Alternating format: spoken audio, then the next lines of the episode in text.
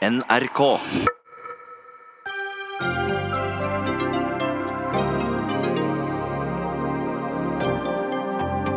En ny video viser angivelig de fire som er arrestert for drapene i Marokko idet de sverger troskap til terrororganisasjonen IS.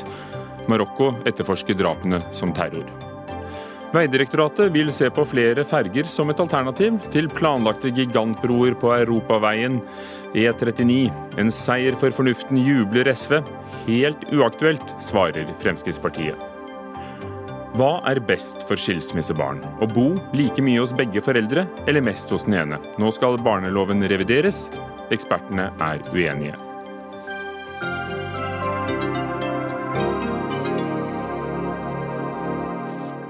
Velkommen til Dagsnytt 18 i NRK P2 med Ugo Fermariello i studio i dag.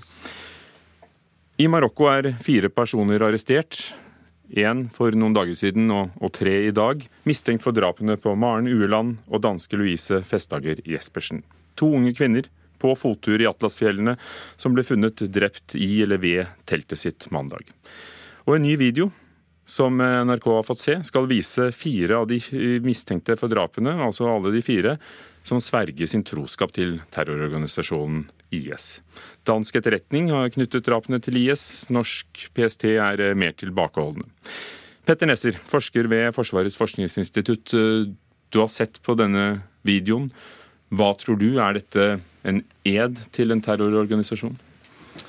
Ja, så Det er jo helt klart en, en eh, troskapsed til lederen for, for IS. Det ser ut som en autentisk video med da noen IS-støttespillere som sverger troskapsed til, til, til, lederen for IS. Eh, de sier også at eh, det er de som på en måte merker eh, altså konsekvensene av flyangrepene til alliansen mot de. Og De sier også, henvendt til lederen for IS, at han har soldater i, i, i Marokko som han kan lene seg på i kampen mot eh, fienden. Visstnok arbeider Kripos å, med å bekrefte eller avkrefte autentisiteten, men hva tror du? Tror du dette er det det ser ut som? Så ligner jo på eh, andre slike eh, videoer med troskapsed som har eh, blitt eh, sendt ut av andre terrorister som har operert på vegne av IS, eller også da celler som måte har hatt bånd inn i nettverket. Morten Bøås, eh, seniorforsker ved Norsk utenrikspolitisk institutt. Um, vil det bety at eh, det dermed, hvis dette stemmer, at eh, det er de fire mistenkte som sverger sin troskap, at det er IS som står bak? Jeg er helt enig med Petter i at uh, altså, dette ser autentisk ut. og er, Jeg tror ikke det er noe særlig tvil om at de, at de sverger troskap her. Spørsmålet er om vi kan slutte derfra at det er en direkte kobling til IS, og at IS står bak, eller om dette er uh, noe som, uh, de, er mer spontant organisert lokalt i, i Marokko, og så sverger man denne eden, og så drar man ut for å utføre et oppdrag uten at man nødvendigvis verken har fått ordre eller noen direkte eh, direktiver fra IS om mål eller hva som skal, skal gjøres. Så jeg tror vi må kanskje ha det skillet mellom hva som er en hva skal man si, en operativ, reell IS-avdeling, og hva som er noe som loka, altså organiseres mer spontant eh, lokalt gjennom f.eks. noe radikalisering via nett eller bekjentskap til andre radikale miljøer, og så finner man på å gjøre dette her. Hvor organisert er eh, IS i Marokko? Petter Nesser? Altså, eh, Marokko har en lang eh, historie med, med jihadisme. Og Det var bl.a. En, en viktig marokkansk jihadistgruppe som ble etablert i, i Afghanistan og Pakistan på, på 90-tallet, eh, som fikk tette bånd inn i Al Qaida. Eh, som har da operert eh, veldig mye internasjonalt, også i Europa, som bl.a. var, var knytta til eh, angrepene i Madrid i, i 2004.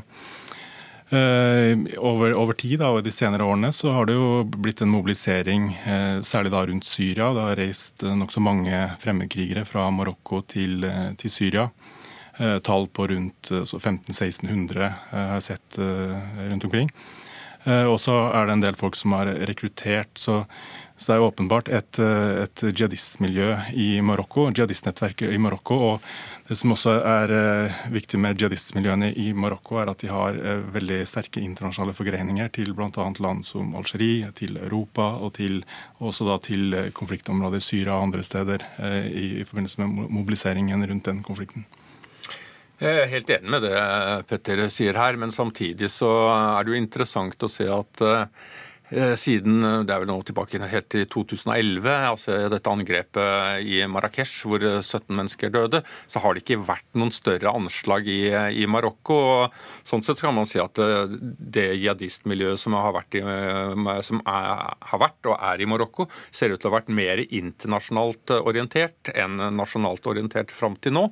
Og I tillegg så er det også interessant å observere at det er jo et ganske stort eh, mylder av eh, ulike jihadistorganisasjoner i regionen, altså i Maghreb, i Nord-Afrika, i Sahel. Og ingen av de gruppene ser ut til å ha fått et mer organisatorisk fotfeste i Marokko. Er det fordi Marokko har eh, ganske godt grep på, på situasjonen og avverger det som kunne blitt terroranslag? Ja, jeg, jeg vil påpeke det. fordi eh, det har versert en del tall rundt eh, hvor mange eh, aksjoner som har blitt avverga i Marokko. og eh, nå er Det sånn at det er ikke spesifisert hvor mange av de som var jihadistiske angrep, og hvor mange av de som knytter seg til annen form for terror. Men det er likevel nokså store tall. Da. Så Jeg har sett altså, estimater på 200-300 aksjoner som har blitt avverga. Og så har du jo veldig få angrep, som du sier. altså Siste store angrep som drepte mer enn ti, var jo i 2011. Eh, men også har det vært mindre, mindre aksjoner. Men, men, i hvert fall så det inntrykket man får eh, av de rapportene som ligger ute, er at eh, det er ganske mye som blir avverga i, i Marokko. Dette er en sak som har har brakt Norge og Danmark i sorg, og statsminister både Lars Løkke Rasmussen og Erna Solberg har, har fordømt angrepet, uttrykker sin medfølelse. Det virker ubegripelig at, at to unge kvinner på fottur eh, skulle bli mål for internasjonal terror. Er det sannsynlig? Ja, altså, jeg vet ikke, Kanskje Petter kan korrigere meg her, men jeg, jeg, kan i hvert fall ikke sånn jeg har tenkt på det i løpet av dagen, har, kjenner jeg til et tilsvarende angrep av akkurat den typen her. altså Hvor, hvor, hvor, to, eh, altså, hvor noen unge kvinner har blitt rammet på denne måten. og Jeg kan ikke komme, komme på et, så i så, så, sådan så er dette noe, det er noe nytt ikke bare i Marokko, ikke bare i dette området av Marokko, men det er så vidt jeg kan skjønne, også noe nytt eh, internasjonalt, eh, det som har skjedd her. Ja, nei, altså Akkurat en lignende eh, aksjon eller et angrep eh, kan ikke jeg eh, komme på sånn i farten. Men, men eh, det har jo vært veldig mange angrep retta mot turister i land som Tunisia f.eks. Der det var Bardo-angrepet, også angrepet på stranda og hotellet i, i SOS. Det har vært veldig mange terrorplaner mot turister i, i, i, forskjellige land, og også i en europeisk eh, setting. Vil ikke det få, få befolkningen til å vende seg mot eh, IS? Ja, Dette er jo land hvor altså 10 av økonomien i Marokko er turismen. Det er nok eh, også en viktig forklaring til at turister blir et såpass utsatt mål for jihadistgrupper. For de ønsker å, å ramme både regimene i landet der de opererer, og Vesten. Og gjennom å ramme eh, turist, turistnæring, eller eh, altså gjøre det vanskelig, eller skremme turister, da, så, så, så vil de også ramme regimene. Ja, altså det, dreier, det, er klart det at uh, det her kan vende folk mot uh, de som står bak den type angrep, men samtidig kan, rammer du uh, en av de viktigste økonomiske sektorene her. Hva fører det til? Jo, altså det fører til færre turister, Eh, det skaper flere arbeidsløse, mer sosial frustrasjon, som igjen kan være en grobunn for rekruttering inn i radikale miljøer. Så finnes det videoer som, som den Petter Nesser har sett, og, og, og, og, grusomme videoer som sirkulerer og som overhodet ikke er bekreftet som ekte. Men altså, blir det viktige brikker for å se om dette er eh, godt organisert terror, eller om det er individer som, eh, som påberoper seg å være en del av det? Ja, jeg tror det, det, blir det. Og dessverre så altså De som jobber med dette, her må jo iblant se på den type materiale. Og um, i hvert fall det inntrykket som jeg sitter igjen med, basert på det vi vet akkurat nå, så ser vel ser selve altså det angrepet, det tragiske angrepet som disse to unge jentene ble utsatt for, ser ikke for meg ut til å være spesielt godt, godt planlagt. Og det kan dessverre være tilfellet at de ble et offer for en opportunistisk handling av noe som kunne skje fordi de var på feil sted til feil tid. Men jeg mener at det er veldig vanskelig å eh, tolke noe, eh, noe om altså forbindelser inn i organisasjoner ut fra denne typen filmer. Og også eh, egentlig si så veldig mye om forbindelser inn i nettverk på et så tidlig tidspunkt i etterforskningen, når vi ikke vet så mye om bakgrunnen til, til de folkene som har vært involvert. Takk skal dere ha, begge to. Petter Nesser, seniorforsker ved Forsvarets forskningsinstitutt, og Morten Bøås, også seniorforsker ved NUPI. Dagsnytt 18 alle hverdager kl 18.00 på NRK P2 og NRK2.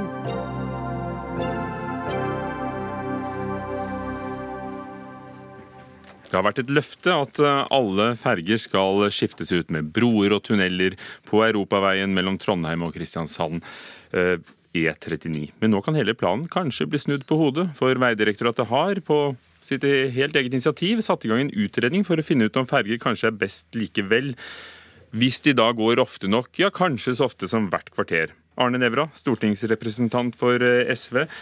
Eh, ja, dette var vel eh, en julegave til deg og partiet ditt?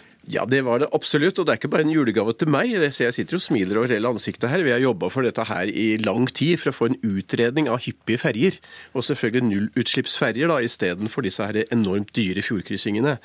Men det er også et julegave for naturen, da, for miljøet, og til kanskje finansministeren. Kollegaen til eh, min motpart eh, Søviknes.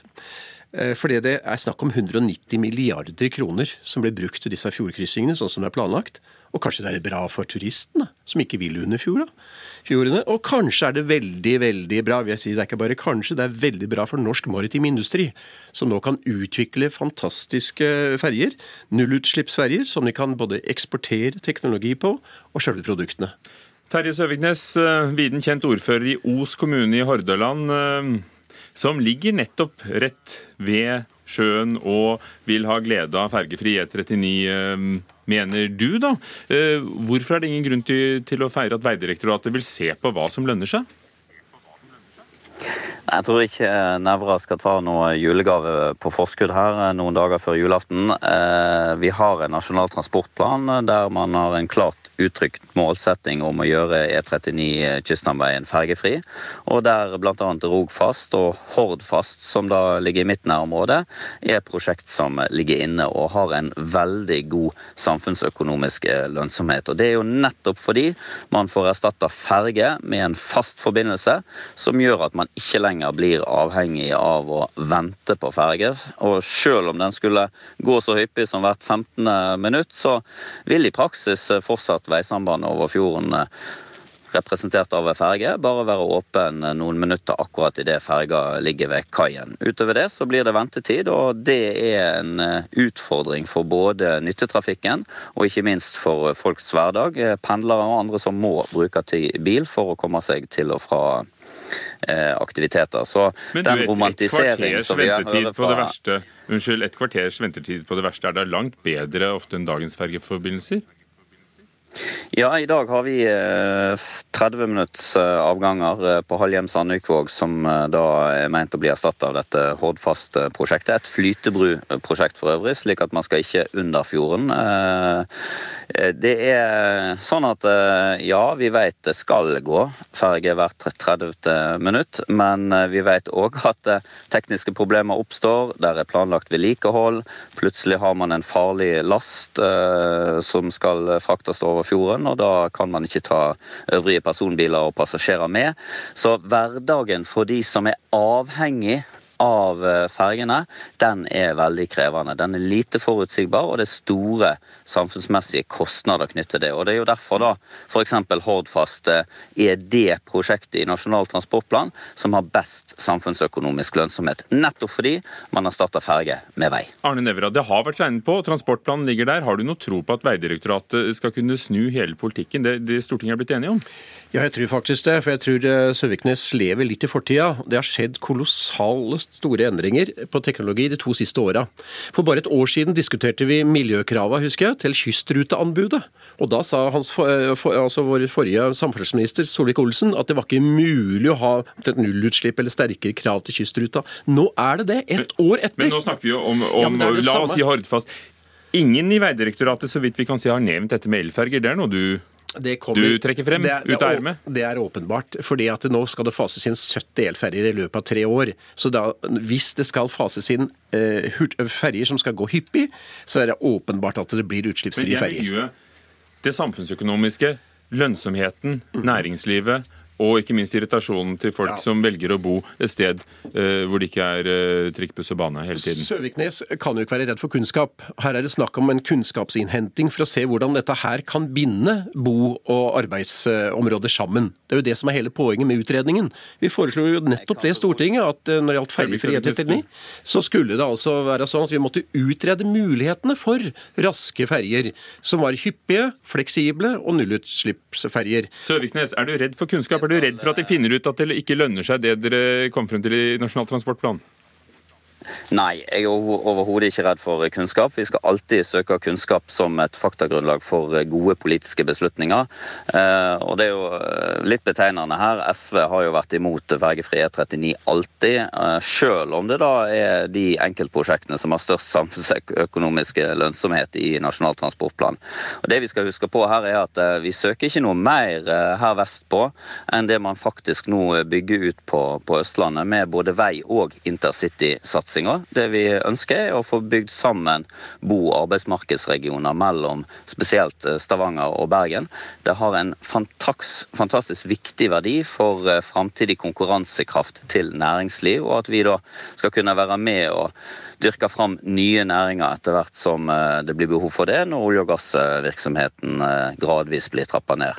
Og så må jeg få lov å understreke at klimamessig så er òg dette veldig gunstig. Analyser viser at ferge har to til tre eh, ganger så stort eh, klimaavtrykk som det en fergefri løsning har, med bru. Der og, har han Snevra eh, svar, og det får vi nå. Ja, for da snakker vel ikke akkurat Søviknes om elferjer, gjør han det? Eller snakker han om fossilferjer i Søviknes? Da snakker jeg om uh, dagens uh, gassferge, uh, som er et godt alternativ til de gamle ja. dieselfergene. Men så må jeg understreke at det er én ting Nevra overser. Ja, det skjer en fantastisk teknologisk utvikling. Det er jeg enig i, og jeg er teknologioptimist. Men på lange fergestrekninger som vi snakker om med Hordfast, der ferger bruker ca. tre kvarter over fjorden, så er det per i dag, og heller ikke de nærmeste årene, tilgjengelig ferge på batteri eller annet eh, fornybart energi. Her er det fullstendig feil. Eh, så, så, nei, som kan, kan, som kan erstatte dette, dette og, og, lade opp så fort. Eh, derfor så men, er Men mener du, Søviknes, jeg tror vi fikk med poenget, så jeg, jeg, raser videre til å spørre deg. Mener du at uh, i arbeidet med Nasjonal transportplan er den samfunnsøkonomiske nytten fullstendig godt nok utregnet? At Vegdirektoratet er på ja, ville veier når de setter i gang dette? Nei, jeg mener den er godt uh, utredet. Den har vært utredet i utallige rapporter. Og, og da er det spesielt knytta til transporten og det man sparer knytta til den. Det er det som ligger til grunn for Så det vil lønne seg? Alle pengene vil lønne seg? Også, jo, men så kommer da uh, Ja, jeg kan gi deg tall òg. For Hordfast, for Hordfast isolert sett som altså da koster eh, ca. 30, vel 30 milliarder kroner i investering, så har det altså en samfunnsøkonomisk lønnsomhet på 56 milliarder kroner. Og er det, da, er det, er det da, for at dere begge skal få snakke, Nevra ikke kan gå glipp av. Ja, men, er det da fem, er det da sånn at du tror på miljøgevinsten, at turister får oppleve naturen? Jeg tror du ble kalt romantiker i en reportasje tidligere i dag. Eh, er det sånn at du ser på miljøgevinsten selv om det kanskje ikke lønner seg like mye i kroner og øre? Er det ikke da morsomt at vi har Norsk Lastebileierforbund på laget? De vil jo heller ikke sendes under fjordene. De vil ha enten bruer, eller de vil satse først og fremst på veiene mellom ferjene. Altså Det er så trange eh, veier på Vestlandet at du får jo nesten ikke møtt en trailer på de veiene. Det er ikke, det er ikke gule striper, det er ikke midtdelere, det er ikke skuldre. Det er jo det som er problemet. Det er veien mellom ferjene, Søviknes. Og det har ikke vært utreda, disse med hyppige ferjer. Vent litt, Søviknes, du skal få ordet. Du mener at at transportplanen er mangelfull i utredningene Den sine. er mangelfull, den er to år gammel. De tar ikke inn over seg de nye teknologiske framskrittene som har skjedd. Men det er tror helt du avgjørende. Vegdirektoratets eh, egne undersøkelser vil kunne velte hele politikken og avgjørelsen? Jeg tror det er mange som får kalde føtter. Jeg ser bare på en sånn uh, samferdselspolitiker som eh, den gang var, samferdselsminister Liv Signe Navarsete i 2013. Hun gikk jo inn for dette store prosjektet her. Nå har hun begynt å trekke seg tilbake og si at her er det veien mellom ferjene som er problemet. Det er mange i hennes situasjon nå som begynner å få kalde føtter har lyst til å, f å følge opp disse undersøkelsene med hyppige ferjer isteden. Ja, Søviknes, tror du, er du redd for at stemningen kan snu? Nei, jeg er ikke det, fordi disse prosjektene er godt forankra og bredt politisk forankra i Stortinget. Det som er viktig å understreke, er at fergefri E39 Kystnavveien er ikke bare fergekryssinger. Det er òg veistrekningene mellom fergene. Det er opprusting der òg til firefelts motorvei. Og det er viktig å understreke at eh, når Lastebileierforbundet har vært kritisk til brokryssinger over Bjørnafjorden, altså Hordfast, så er det fordi at de heller vil ha et indre alternativ som ikke har en Nå så tok lang dere noen veldig flytebru. lokale Det broer er og tunneler her, men du. Søviknes, 340 milliarder kroner er den samlede kostnaden for alle broene og tunnelene. Eh, I tillegg så kommer det vedlikehold eh, 200 millioner hvert år. 340 milliarder, er, den, eh, er det verdt det? Ja, Det samme spørsmålet kan man da stille i forhold til intercityutbygginga på Østlandet og veiutbygginga der, som nettopp skal gjøre akkurat det samme. Binde sammen bo- og arbeidsmarkedsregioner. Og Det vi ønsker oss det, ja. eh, langs kysten, er akkurat det samme som man i dag jobber for eh, i østlandsregionen, der Nævra sitter godt plassert, og at han ikke har samme forholdet til ferge og de utfordringer det gir folk i hverdagen. Dette- Det kan jeg godt forstå, men å romantisere ferge til å være noe som er fint og flott for turister som skal drikke kaffe og spise svele, det holder bare ikke når man skal bygge konkurransekraft. Dette er, dette er uredelig, og jeg har hørt det før, også fra samferdselsministeren tidligere. Eh, Du setter Østlandet opp mot Vestlandet, og det er, det er rett og slett uredelig. For jeg ønsker, jeg ønsker distriktsveier. Jeg ønsker at f.eks. Fjordveien, altså rv. 13, skal få en opprusting. Jeg ønsker at det skal rassikres. Det skal være gang- og sykkelveier. Sånne ting kan vi bruke milliardene på. Takk. Her må jeg vise dere veien ut, begge to. Takk skal dere ha. Arne Nævra fra SV, Terje Søviknes, ordfører i Os fra Frp.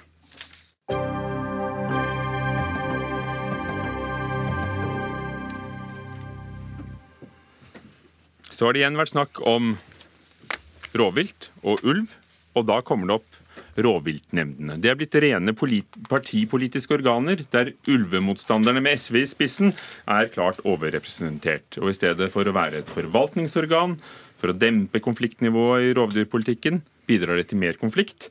Det mener eh, skribent og, og samfunnsøkonom i eh, den liberale tankesmien Civita, Håkon Rikles. Og du skriver det i Aftenposten i dag. Kan du begrunne hvordan det er kommet frem til at disse har en overrepresentasjon av ulvemotstandere og senterpartister? Ja, altså I utgangspunktet så er rovviltnemndene en litt merkelig konstruksjon i norsk politikk, i norsk forvaltning. Fordi det er et forvaltningsorgan som står til ansvar for statlige myndigheter. Eh, men det er i motsetning til andre forvaltningsorganer ikke sammensatt eh, av byråkrater og fagfolk. Det er sammensatt av personer nominert av fylkestingene. Eh, og det, kunne, det var meningen det at det skal være en lokal forankring, og at det skal være konfliktdempende. Eh, jeg mener at det har det vist seg faktisk ikke være. For de kom tidlig på 2000-tallet Ja. for, for å roe gemyttene. Ja, og det kan man jo se at hvert eneste år er eh, stor ulvedebatt, så har de ikke akkurat klart å roe gemyttene. Eh, og, og det jeg har sett på ved å se på, og også sett på andre evalueringer, eh, viser at det, de i evalueringene Du ble intervjuet av bl.a. Norsk institutt for naturforskning. eh, Så det, kommer det frem at de ser på seg selv som representanter for beitenæringen og skal ivareta deres interesser, noe som ikke er hensikten med rovviltnemndene. Man ser, Hvis man teller antall representanter fra forskjellige partier, så ser man at det er en ganske stor overvekt av representanter fra Senterpartiet. Nå er det ikke galt med Senterpartiet som parti, men det kan jo tyde på at det er de som har sterkest interesser i rovviltpolitikk, som eh, sørger for at de blir nominert fra sine fylkesting.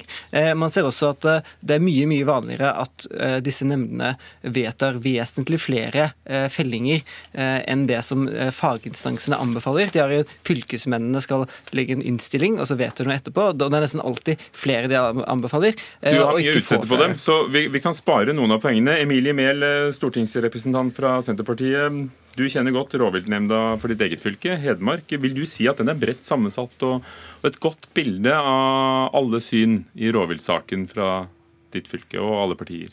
Ja, det vil jeg absolutt si. Eh, er, den kritikken som kommer her, mener jeg er fullstendig skivebom. Hvis du ser på rovviltnemnda i Hedmark f.eks., så er det fem eh, medlemmer, og én av de er fra Senterpartiet. Og eh, rovviltnemndas sammensetning det reflekterer jo det valgoppslutningen ved siste kommune- og fylkestingsvalg.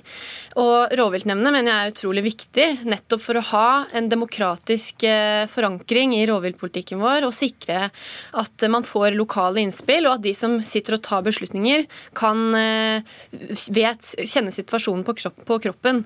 Men, men, var det ikke nettopp da i Hedmark og Oppland at rovviltnemndene for et par år siden la ned vervene sine i protest mot, mot eh, Stortingets vedtak? Og, og viser ikke det at det ikke er er egnet til å forvalte de vedtakene som er demokratisk gjort i Stortinget? Nei, det viser faktisk det stikk motsatte. Det er ikke rovviltnemndene skyld at det er konflikt, det er regjeringa sin skyld. Fordi det er regjeringa som har overprøvd rovviltnemndenes vedtak. Det er regjeringa som ikke følger Stortingets vedtak. I Norge har vi bestandsmål.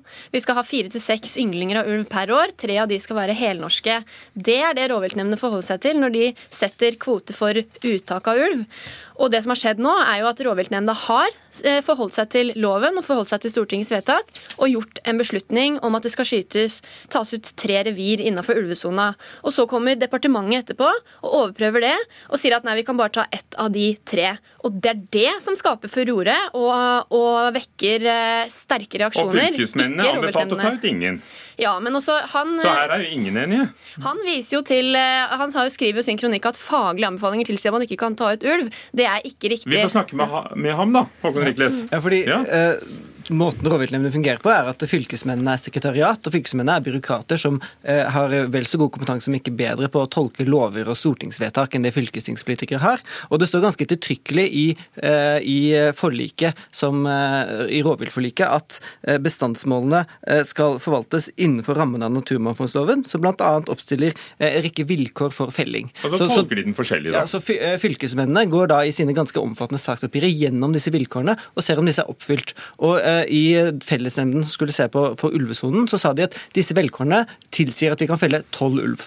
Eh, og så kan jeg forstå at det skal være en lokal tilpasning, at eh, de lokale medlemmene i nemnden kan kanskje mene et annet hadde riktig, men de sa tolv ulv pluss tre hele ulveflokker innenfor ulvesonen. Og Dette er ikke første gangen de går langt utover det som er faglig anbefalt. og Det underbygger jo det, det, eh, det, standpunktet at de egentlig har et kun ett perspektiv, mens hensikten bak rovviltnemndene er at de skal ivareta en rekke samfunnspolitiske perspektiver, ikke kun beitenæringsperspektiver, som de selv, når de blir intervjuet av evalueringer, oppgir at de gjør. De oppgir selv at de ser på seg selv som beitenæringsrepresentanter, og det er ettertrykkelig ikke hensikten bak rovviltnemndene. Har ikke jeg sett den undersøkelsen, men Eh, Emilie Mer, hvordan kan de komme til så forskjellige resultat? De som eh, fra fylkesmennene har også kompetanse til å tolke lovverket og forvalte, og, og de lokalt valgte. Ja, men nå argumenterer jo han for at vi skal ha et byråkratistyre, nærmest et teknokrati i Norge. Det har vi ikke, vi har et demokrati. Stortinget er Norges øverste demokratisk valgte organ. Det er jo forvaltningsorganer, da. Direktorater ja, og, og vesener. Ja, og det er riktig. Men Stortinget har lagt føringer for hvor mye ulv det skal være i Norge. Nå har vi mye, mye mer enn det. Da er rovviltnemndenes oppgave å fatte vedtak om uttak, sånn at vi kommer ned mot det målet vi har satt. Og det har de gjort. Selv med det uttaket som rovviltnemndene nå har fatta, så ville det være mer ulv enn det bestandsmålet tilsier. Og det er departementet som overprøver det, det er byråkratiet som overprøver det. Og jeg er ikke så veldig overraska over at, eh, av at eh, en tankesmie som eh, tilhører høyresida, vil ha mer byråkrati, men Senterpartiet vi vil ha mer folkestyre, og at beslutninger skal tas nær folk. Mer altså, byråkrati, ja. Hvis man ja. ønsket en ren lokal forvaltning av, av rovviltpolitikken, så er det på et legitimt standpunkt å ha. Men det er ikke det man har vedtatt. Men er du uenig, i at de er demokratisk valgt? De utgår av fylkesting og, og sameting i noen områder? Det, det, er ikke meningen at det er demokratisk valgt, og det er det heller ikke. De er nominert de av fylkes... Av... Det er feil. De, utgår ikke, de, de, er nominert av, foreslått av fylkesting og, og uh, valgt av Klima- og miljødepartementet. Oppnevnt av, Oppnevnt av Klima- og miljødepartementet. Ja? Og hensikten med det er at det skal være et forvaltningsorgan. Uh, og det å snakke om demokrati versus, versus byråkrati Jeg vil utfordre deg på å finne eksempel på én annen nemnd som er utnevnt på samme måte. Og Du vil ikke finne en annen av de veldig mange nemndene som skal ta stilling til den type faglige spørsmål i samfunnet, som er utnevnt på samme måte. Og det er en god grunn til, nemlig at man pleier å skille mellom det å tolke og iverksette lovene, og det å vedta eh, vedtakene. Men det er vel sånn at de foreslås av fylkesting og noen steder Sameting, og, og så oppnevner departementet de menneskene eh, etter forslag. Og det er sånn det skal være. Det er hjemla i rovviltforskriften. Det er eh, sånn man har lagt opp. Det er et forvaltningsorgan. Og det at eh, Du sier det er et forvaltningsorgan, ja, men da skal det jo ikke være demokratisk eh, jo, det er jo, det, er jo, altså det er jo det man har lagt opp til i lovverket. At at rovviltnemndene har forvaltningsmyndighet til å fatte vedtak om lisensfelling av ulv. Og Det er jo nettopp, det står jo i rovviltforskriften. Det er jo for at man skal ha lokal kontakt, man skal kunne ha dialog med kommuner og berørte lokale interesser. Det er jo hele poenget. Og det er jo heller ingen andre saker hvor man har det sånn at nasjonal, eh, nasjonen har bestemt at vi skal ha ulv i Norge. Så det er departementet det er som har forsømt seg nå, da, mener du? ja, det er det. Det er ikke rovviltnemndene som må gå nå som det er så mye konflikt. Det er faktisk regjeringa som må gå, for det er regjeringa som feiler her. Intet mindre enn å gå. Eh, Det virker som det er litt, litt, litt misforståelse av hvilken nivå man debatterer på. Jeg mener at selve systemet er dårlig tenkt ut, fordi man blander noe som er en forvaltningsoppgave, med noe som er en, eh, en politisk oppgave. Men nå, Eh, nå anbefaler jo de hva de mener er riktig sin, i sitt område, og så, og så vedtar regjeringen noe midt imellom. Funker ikke dette ganske bra, da? Altså, hele hensikten er å være konfliktdempende. Nå kan man jo dømme det at man har hvert eneste år har behov for å redusere antallet de anbefaler, for de alltid anbefaler et maksimalt antall å felle. Tror du debatten om ulv i Norge for- ville vært roligere om det var et eller annet annet direktorat som sto for det? Jeg tror det hadde vært roligere hvis man hadde hatt en annen forvaltningsmodell. Man Hvordan? kunne for eksempel hatt, man ser i, Sverige og Finland har andre modeller for hvordan Vi er det eneste landet som har I alle land så er rovviltforvaltning eh, en, en avveining mellom lokale og nasjonale interesser. Eh, og i alle land så er det behov for å avstemme disse her. Men det er kun i Norge vi har valgt denne modellen, hvor vi har et, eh, blander det faglige og det politiske på den måten som man gjør i nemndene. Og i andre Men så er det jo departementet som tar ansvar til slutt, da. Og da, da har de jo ja, departementet som utgår et, et problematisk det med nemndene er at det er kun én den lokale interesse som synes. Det, og de sier det rett eksplisitt selv i, når de blir intervjuet, at de kun ser på den ene lokale interessen. Men så er jo et flertall også i min motdebattants hjemfylke som er for ulv i norsk natur. Men det flertallet blir aldri hørt, fordi nemndene er satt ut og Jeg utnevnt på en måte på hvor det det. Ja, du skal få det. Et lite. Håkon Rikles, det var deg. Emilie Mehl, nå får du eh, eh, siste svar. Du vil vel gi mer makt, og ikke la departementet Ja, altså, hvis du overprøve ser, nemndene? altså, eh, Rovviltnemndene de er jo eh, oppnevnt basert på valgresultat ved forrige valg. Og eh, det er jo en over, helt klart, hvis du ser på valgresultatet, at folk i Hedmark vil ha mindre ulv. Det er ingen andre sted, eh, områder i Norge hvor vi har pålagt en liten del av befolkninga å ha hele belastningen med nasjonalt ønske om ulv. Og det er jo grunnen til at vi trenger rovviltnemndene. Vi trenger at de som bor i ulvesona, blir hørt. Vi trenger at de får si sin mening. Vi trenger at ja. Men departementet bør ikke overprøve dem, altså, sånn som de gjør? de bør ikke det, fordi rovviltnemnda har fatta et vedtak som er i tråd med Stortingets beslut beslutninger. Ja. Det har ikke departementet gjort. Og Det det er er, den store forskjellen. Ja. De Dere er uenige om, da? Ja, Det er nettopp det de ikke har. fordi det beslut, Ok, da fikk vi fastslått at dere var Stortinget har vedtatt, eh, er, ikke, er feiltolket. fordi vet-. Stortinget har vedtatt en lov, og så har de vedtatt et bestandsmål i tillegg som må tolkes i lys av den loven. Og det Og i lys av dette sier jeg takk. Håkon Rikles fra Civita, Emilie Mehl på Stortinget for Senterpartiet.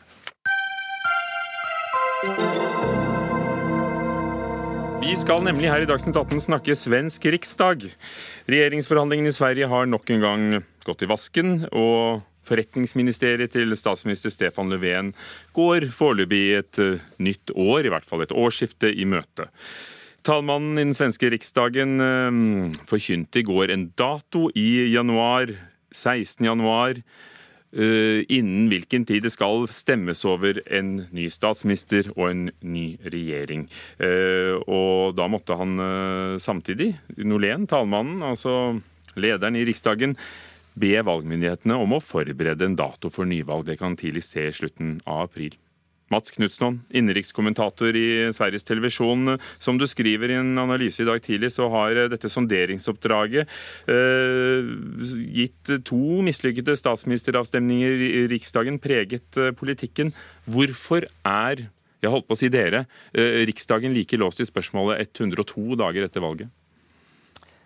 Ja, det här valresultatet gav ju ett helt nytt politiskt landskap i Sverige. Det bekräftade ett politiskt landskap som vi har sett en utveckling mot de senaste åren men som uppenbarligen har tagit politikerna på sängen. Och det har gjort att hela det politiska systemet har gått i baklås. Och ytterst handlar det här om att Sverigedemokraterna har blivit allt större i svensk politik och att inget av de traditionella blocken nu kan bilda regering utan att antingen ta stöd av Sverigedemokraterna eller att samarbeta inbördes. Under hösten har det varit flera försök att göra upp då, nu senast mellan Socialdemokraterna och Centerpartiet, men där hoppade Centerpartiet av i sista sekund och Centerpartiet är ju det partiet som har nyckelrollen i Sverige just nu när det gäller att bilda en ny regering. Problemet är att de i valrörelsen både lovade att avsätta Stefan Löfven och att aldrig ta stöd av Sverigedemokraterna. Och det har med mandatfördelningen visat sig vara två helt oförenliga linjer.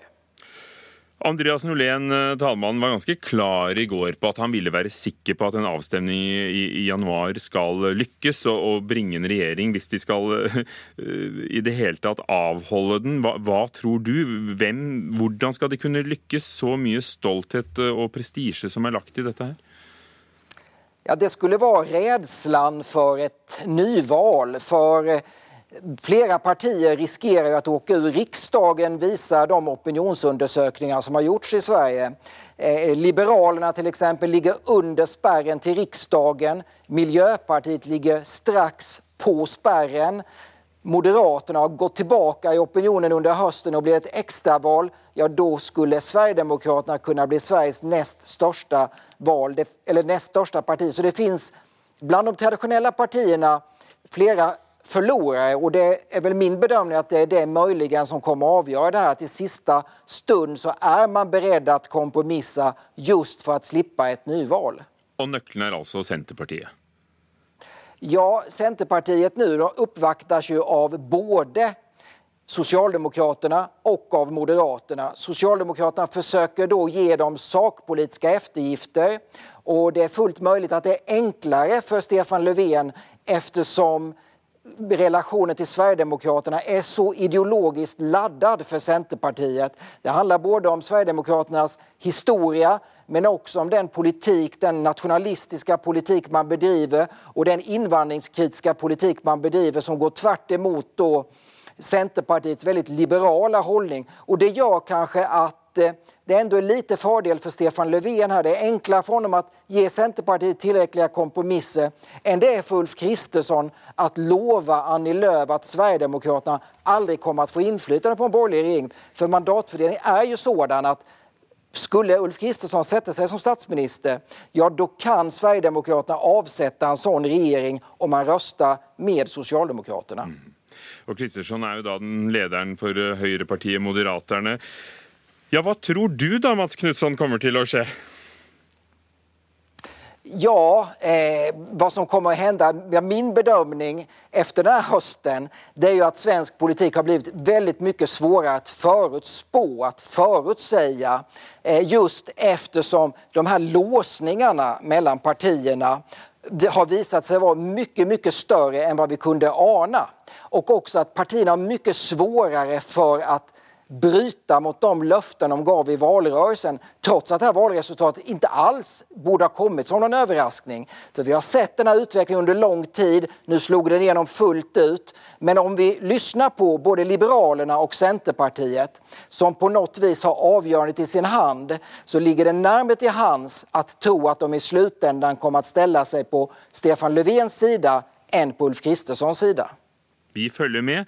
Takk for uh innsikten din, innenrikskommentator Max Knutson i SVT, og for at du var med oss.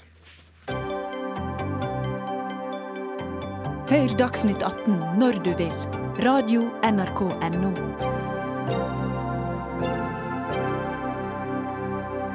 Leterefusjonsordningen er et tema som eh, dukker opp en gang iblant i Dagsnytt 18 og i, i, norsk politikk. Skal vi klare å begrense klimaendringene, må vi gå fra fossil energi til fornybar. Det er verden blitt enige om. Og Likevel så har Norge altså et skattesystem som skal gjøre det mer attraktivt å, å lete etter olje og gass. Altså refusjon av penger for å lete på hva som ligger under havbunnen. For få dager siden skrev NRK om et selskap som har fått en milliard kroner fra staten de siste tolv årene uten å ha gjort noen funn som er blitt utnyttet kommersielt. Dette har kunnet skje takket være leterefusjonsordningen. Der er vi igjen. Men nå mener dere at det er på tide å skrote ordningen. Bård Vegar Solhjell, eh, tidligere SV-politiker, nå generalsekretær i Verdens naturfond WWF. Hvordan eh, virker leterefusjonsordningen ja, kanskje ikke mot sin hensikt, men eh, mot våre interesser, mener dere? Altså, for det første er det jo meningsløst dårlig klimapolitikk. Eh, det vi kan være helt sikre på, det er at veldig mye av oljen og gassen i verden og kullet må bli liggende under bakken, aldri kan brukes. Verdens utslipp må halveres til 2030. Eh, og olje er det store bidraget fra Norge som vi må snu og gjøre noe med. Så det er dårlig klimapolitikk. Men det er òg, mener jeg, nå ganske dårlig økonomisk politikk. Det eksempelet du nevnte, er jo ikke unikt. Det er over 20 selskaper i Norge som har fått over en milliard kroner utbetalt, og ikke betalt skatt tilbake eller funnet noe.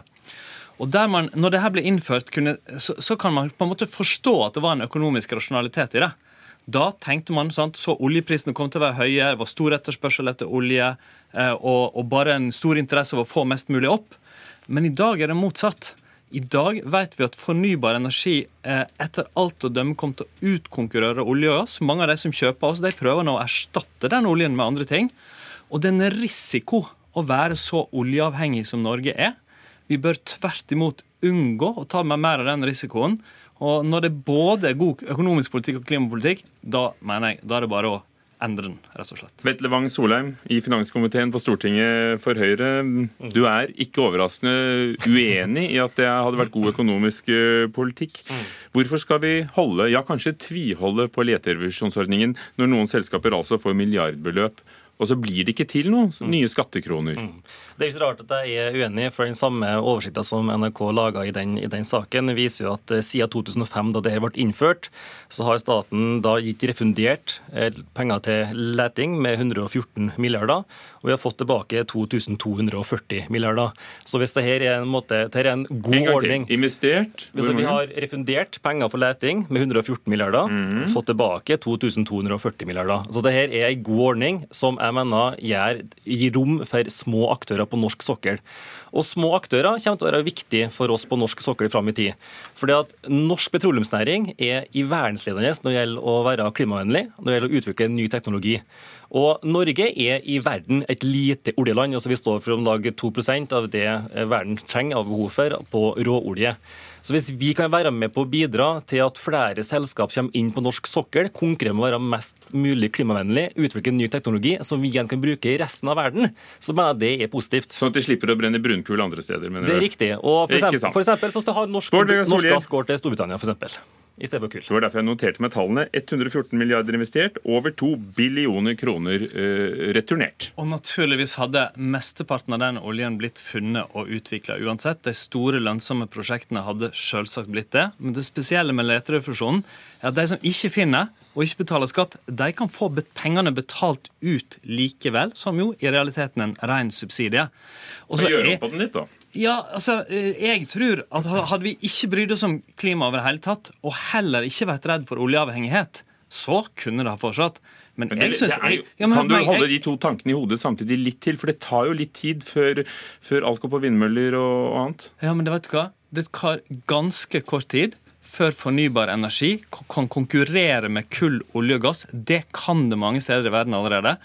Og politikk handler om å se litt lenger fram enn neste år. Og jeg er egentlig overraska over at Høyre henger såpass fast i fortida at de ikke er opptatt av den risikoen det utgjør for et oljeavhengig land, at de heller ikke ser at vi òg må la litt av vår olje bli liggende. Verden har behov for olje og gass, og spesielt Europa. Så sier du at vår, vår, gass og olje er bedre enn andres? Ja, fordi at vi har faktisk klimakrav. Vi har faktisk krav til HMS som er høyere enn de andre har. Vi har mindre utslipp til havet enn de andre har. Er sånn så klart at jo, når, vi legger på, når vi legger på CO2-avgifter på norsk oljeproduksjon, så er det et insentiv for dem å kutte sine, ut, sine utslipp. Jeg mener at det er viktig at Hvis vi kan lede i front både på CO2-fangst og -lagring, samtidig som at norsk gass kan være med å erstatte kull i Europa, så er det bra. Det er jo klimavennlig. Karbonet okay. kjenner ingen landegrenser. Hold pusten, begge to. Tina Saltvedt, hold pusten. Tina Saltvedt, vi pleide å kalle deg oljeanalytiker, for det var du, og nå er du energianalytiker i Nordea. Har du, har du fullført det, det grønne skiftet? Jeg ser på energispørsmålet i sin helhet, og det tror jeg er veldig viktig. fordi at eh, denne, dette skiftet går ikke over natta, men det må skje. Eh, skal... Og nettopp derfor, ja. med den innsikten, yes. når du da har eh, gått fra olje til energianalytiker, har refusjonsordningen for oljeleting tjent oss godt, og vil den gjøre det fremover? Det er helt klart at denne refusjonsordningen har hatt sin virkning på det den skulle. Eh, for den, eh, altså Hensikten med denne ordningen var å få flere aktører inn på norsk sokkel. Og det har vært veldig bra, fordi at det er ikke bra at du har ett eller to store selskaper som det var på den tiden, det var Statoil og Hydro, som har full dominans. Det som skjer da, egentlig, det var jo at eh, man får, altså man får lite press på kostnader, man får lite press på å utvikle ny teknologi. Det som også er, hvis du bare har de store selskapene, så var ikke de like interessert i å ta de små prosjektene, de små funnene som var gjort. Og det kan jo være at man da hadde latt små prosjekter som i nærheten av infrastruktur som allerede var bygget, ikke bli, bli produsert. Så denne leterefusjonsordningen den har hatt sin funksjon til det den var ment som å gjøre, og det var bl.a. å øke konkurransen på norsk sokkel. Virker den ikke lenger? Der, altså der, må vi se på hvor vi skal i fremtiden. Og Der har jo FN akkurat lagt frem en rapport som sier at vi er nødt til å bruke mye mindre fossil energi nå fremover enn det vi har gjort tidligere. Og det er rett og slett, Hvis ikke så vil vi ha store klimautfordringer fremover. Vi kommer til å ha det, men enda større enn det vi kanskje trenger å ha. Det betyr at oljeetterspørselen, eller oljeforbruket i verden, må ned, og det må ned kraftig fra dagens nivå. Men Vi fikk et regnestykke her som viste at den hadde lønt seg selv om noen selskaper har fått penger uten at det ble noe av det. Eh, vil den ikke lønne seg fremover? Er det det du sier? Det er det store spørsmålet. ikke sant? Fordi at Det som er fare nå, det tar gjerne ti år på norsk sokkel fra man begynner å lete til oljen er ute i markedet. Og det er jo først da man begynner å tjene penger som et oljeselskap. Og hvis vi skal følge IPCC-rapporten, så bør jo olje, verdens oljeetterspørsel begynne å falle allerede fra starten av neste tiår, altså om to-tre år.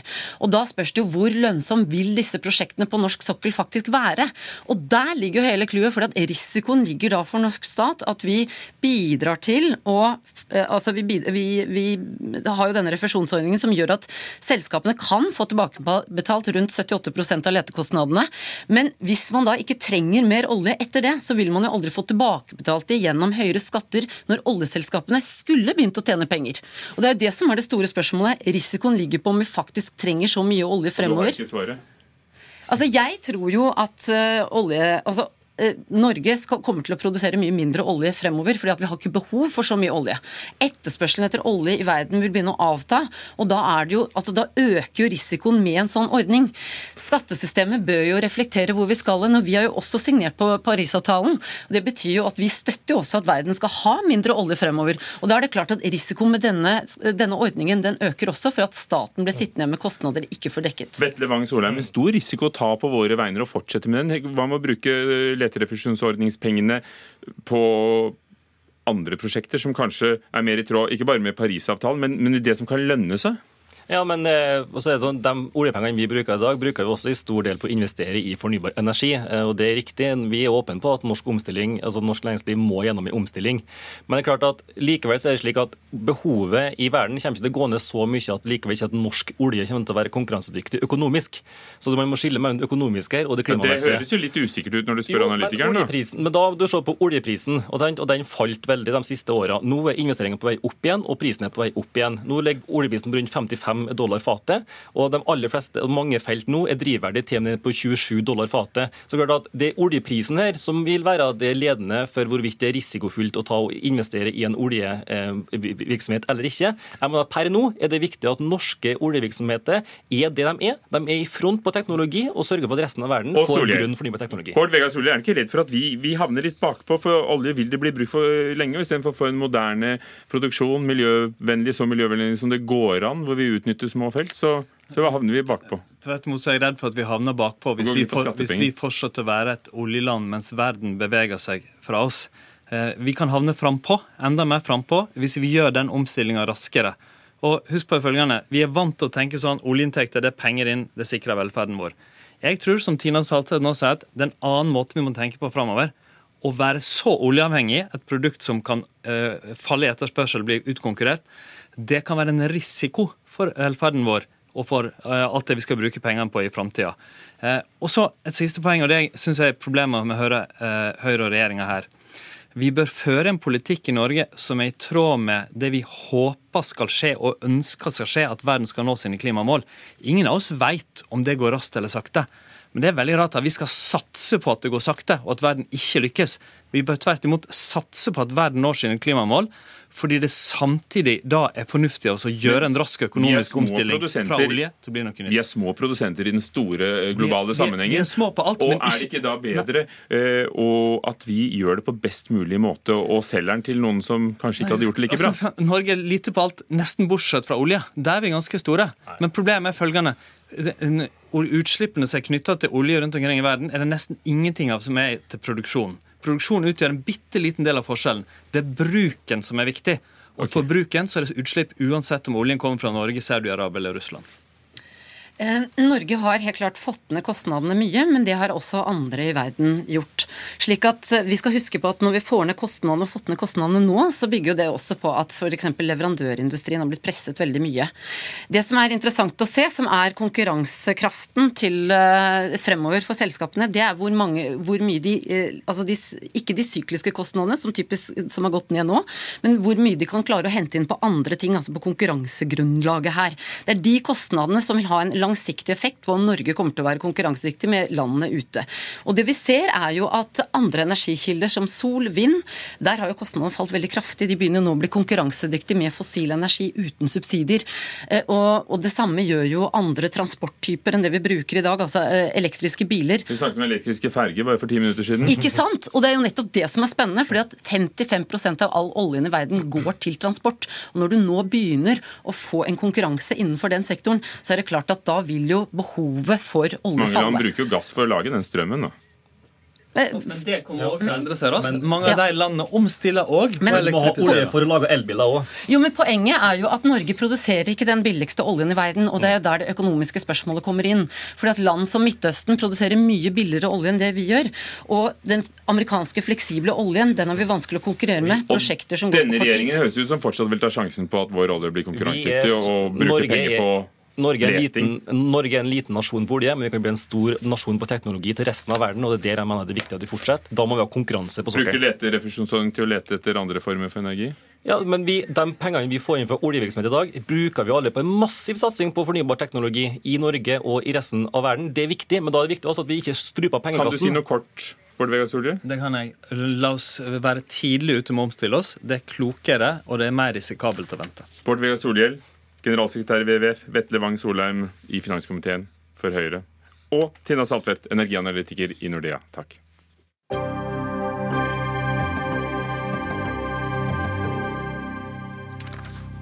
Snart i januar er det gått ett år siden barneloven ble endret, og så skal den ses på igjen. Men hva er det beste for barnet? Det er nettopp spørsmålet om hvem som skal ha foreldreansvaret, som blir vanskelig for foreldre som skiller lag. Flere forskere mener at far diskrimineres og, og mor favoriseres, slik som loven er i dag. Frode Tuen, professor i psykologi og, og, forsker, du er en av disse. Hva er problemet med den nye loven som tok sikte på at uh, likestilling var målet? Altså, Den nye loven var et riktig skritt, eller et skritt i riktig retning ved å likestille foreldrene etter samlivsbrudd. Men fortsatt er det jo slik at uh, den ene forelderen får bostedskompetanse, eller at barnet skal bo hos den ene forelderen. Og da kan den, hun eller eventuelt han, bestemme egentlig det meste om barnet. Og den andre, som veldig ofte er far, blir blir eh, egentlig overlatt til den andres eh, velvilje til å samarbeide. Men nå er det vel ikke mor- og farsproblemer som, eh, og velvære som står i, i, fokus her? Det er vel hvordan barnet vil få et best mulig liv? Ja, og det vi vet er at det, hvert, det, som i hvert fall ikke er bra for barn, det er hvis det blir en konflikt mellom foreldrene og barna blir fanget i en fastlåst konflikt. og Derfor må vi ha ordninger som i minst mulig grad skaper konflikter. For det vil være det beste for barna etter et samlivsbrudd. Agnes eh, Andenes, forsker ved Psykologisk institutt ved Universitetet i Oslo. Du er, eh, du er skeptisk til endringene. og Hvorfor vil det føre til mindre konflikt at barnet først og fremst bor hos én av foreldrene? Det, altså, nå trekker du nå trekker du veldig langt, det, det? jeg har uttalt. Ja. Hva mener du? Jeg har lyst til at vi skal ta liksom, et lite skritt tilbake. Um, altså denne endringen i retning at, at flere foreldre velger delt bosted. Altså Det er en forandring som har skjedd med enorm hastighet. Altså Seint på 80-tallet så var det 3-4% av familien som praktiserte delt bosted. Og det var 30% altså nesten hver tredje forelder, hadde liten eller ingen kontakt med barnet sitt. Nå, altså for, I 2012, altså ikke så veldig lenge siden, så var det, bare, var nede, da var det 3% som hadde liten eller ingen kontakt. Altså fra 30 til 3. Og det var 25% altså fra 3 til 4% opp til 25% som hadde valgte delt bosted. Altså Dette er en måte å organisere foreldreskapet etter et brudd på, som som, den, som, øker for hvert år som går. Er det, er det bra eller ikke? Og det, og det, det, er jo det, er det foreldre vil. Altså, det, er jo, det, det stemmer liksom med hvordan altså, Foreldre som, som, som bor, lever sammen, det, avspeiler at de deler mer og mer. Det er liksom den retningen utviklingen har gått, takket være pappakvoter, altså mange, mange tiltak eh, og stor oppslutning om at foreldre skal være sammen om barna. Og det Før i tida så var altså et samlivsbrudd betydde veldig ofte at den ene, da som regel pappa, at han liksom forsvant ut. Det er, skjer nå nesten ikke. Så Derfor er jeg rett og slett litt i tvil. Er det noe som tyder på at uh, det er altfor få som velger delt bosted? Uh, og er det et problem? Og den andre Men, men la oss ta ja. den nå. Hva tror du, Frode Thun? Er det for få som, som velger det? Ja, altså det er sånn ca. 25% som har delt eh, bosted. Eh, men det er veldig mange fedre som ønsker delt bosted, men som ikke kan ha det, eller som ikke får det fordi at partneren ikke ønsker at det skal være sånn. Og Da er det i dag slik at hvis den ene parten, som regel far, ønsker delt bosted og ikke får den andre med på det, så er det han som da må på en måte kjempe for den retten i domstolen, eller i første omgang med familievernet, familievernene, og eventuelt også bringe det inn for domstolen. Og Da kan man knapt nok, eller i praksis, ikke bli idømt delt bosted, så da må han gå for, for å få øh, omsorgen alene. Og Det er det veldig få som vinner frem med, eller som ønsker det også. Sånn at Vi trenger et system som er tilpasset det som er hverdagen for de aller, aller fleste foreldre som går fra hverandre. Det er at de har vært mer eller mindre likestilt når de bodde sammen, og da er det naturlig at de også fortsetter å være det når de flytter fra hverandre. Bør loven endres, Tun? Ja, den bør endres. Den bør endres sånn at likestilt foreldreskap bør være normen. Og så Hvis det da er grunner for at ikke det skal være likestilt, og det kan det jo absolutt være, så er det i hvert fall den som da ikke ønsker å ha et likestilt foreldreskap, som må ha Eh, bevisbyrden for å argumentere for å sannsynliggjøre for at det ville være best for barna at ikke mor og far er sides likestilt. Mm. Agnes Andenes, altså, bør loven endres? Som jeg sa, altså jeg kan ikke se at det er noe sånne veldig farer altså som tyder på at vi Altså At folk tar i bruk ordningen delt bosted i takt med den endringen som skjer mens de lever sammen. Uh, og det vi skal altså, Og det som er viktig å si, er at nesten alle foreldre, nesten alle par, de finner fram til gode ordninger for eh, barnet sitt i fred og fordragelighet, selv om det har vært en nokså opprivende skilsmisse. Vet, Folk strenger seg langt. Vet vi noe med sikkerhet om det ene eller andre er best for barnet? Der er det nok altså det, får, det er mange undersøkelser på dette feltet. Det er både, både, i Norge og særlig i andre land. De tallene som, liksom, som er resultat fra disse undersøkelsene, de må jo fortolkes. Uh, og det vi kan og, og i forskning så er det jo alltid sånn at vi forenkler, vi forenkler vi, ja, bare? I forskning så forenkler vi veldig. Det må vi. Det må vi ofte. Men så må vi legge veldig mye omtanke i hvordan vi presenterer dette når det skal tilbake til en rotete virkelighet.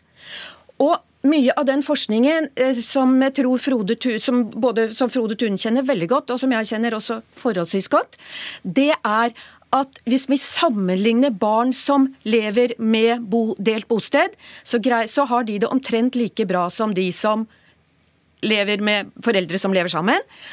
Og de greier seg litt bedre enn de som lever sammen med bare den ene.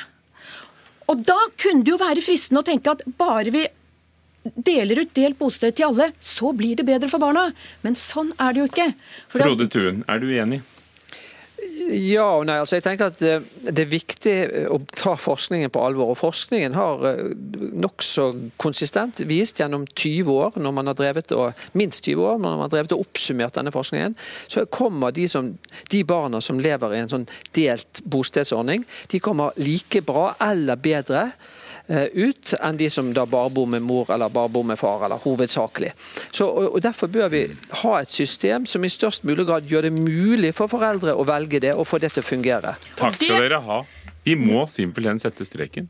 Frode Thun, Agnes Andenes. Når det går bra med barna, så er det pga. tidligere erfaringer, nåværende Marianne, betingelser, omfattende innsats. Ikke Ida Tune Ørisland var ansvarlig for sendingen. Marianne Myhrvold, teknisk ansvarlig. Ugo Fermarello, programleder. Takk for oss.